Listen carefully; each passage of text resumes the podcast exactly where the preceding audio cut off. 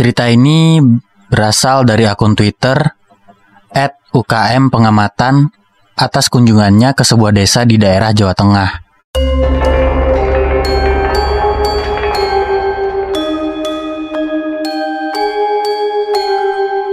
Beberapa bulan lalu, ketika saya mengunjungi sebuah desa di daerah Jawa Tengah, saya sempat heran dengan desa tersebut.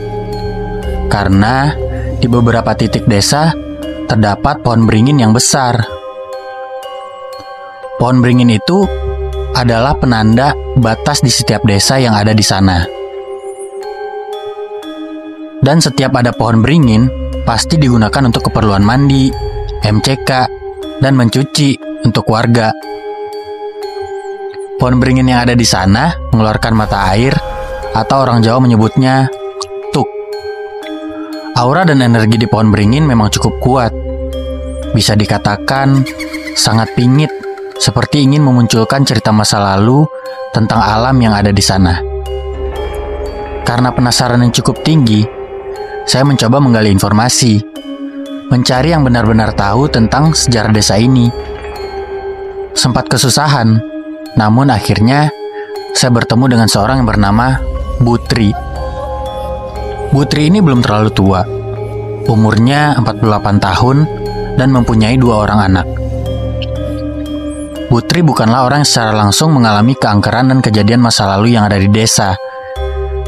Namun, orang tuanya yang bernama Mbah Di dikenal sebagai juru kunci pertama dan terakhir di desa. Sekarang ini, Putri adalah satu-satunya orang di desa yang masih mencoba untuk menjaga keseimbangan alam yang ada dengan melakukan ritual dan persembahan tertentu. Ketika ditanya kenapa masih melakukan, Putri menjawab, Titipan bapak, biyen mas. Aku mung pengen neruske tinggalan bapak rojaga desa iki mas. Zaman dahulu setiap selapanan, seluruh warga desa selalu mengadakan ritual di seluruh pohon beringin. Ada empat titik dan keempat pohon itu secara bergantian diadakan ritual yang berlangsung selama tujuh hari tujuh malam.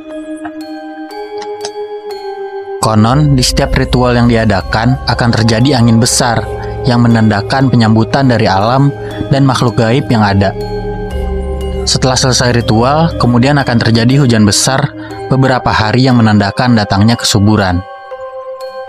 Kearifan lokal yang masih terjaga saat itu dikarenakan adanya mitos yang menyebutkan apabila tidak diadakan ritual itu, maka akan terjadi kekeringan, dan apa pun yang dilakukan warga tidak akan direstui oleh Mbah Kiai Brojo. Mbah Kiai Brojo adalah sosok yang dipercayai sebagai mbau rekso desa dan penjaga desa dari malapetaka. Dari situlah, warga takut akan adanya sesuatu yang tidak diinginkan terjadi. Ayahnya Butri yang bernama Mbah Di inilah sebagai perantara kepada Mbah Kiai Brojo. Dia yang selalu berkomunikasi dengan Mbah Kiai Brojo. Mbah Di jugalah yang mendirikan kesenian jatilan dan menggandeng para pemuda setempat untuk ikut andil dan diajarkan ilmu untuk menjadi penerus nantinya atau juru kunci desa. Berjalannya waktu, kearifan lokal yang ada semakin hilang ketika himpitan ekonomi melanda desa. Banyak dari warga, terutama pemuda, yang pergi merantau ke kota dan tidak pulang bertahun-tahun. Bertambah pendatang yang keluar masuk desa, membuat kesenian yang sudah jarang digelar, dan berdampak ke arifan lokal lain yang sudah ada, yaitu ritual yang dilakukan ke empat pohon beringin. Semakin sedikit orang yang mau melakukan ritual. Hanya keluarga Mbah Di dan orang kepercayaan Mbah Di mau untuk melakukan ritual tersebut. Di situlah mulai muncul kemarahan dari pohon beringin.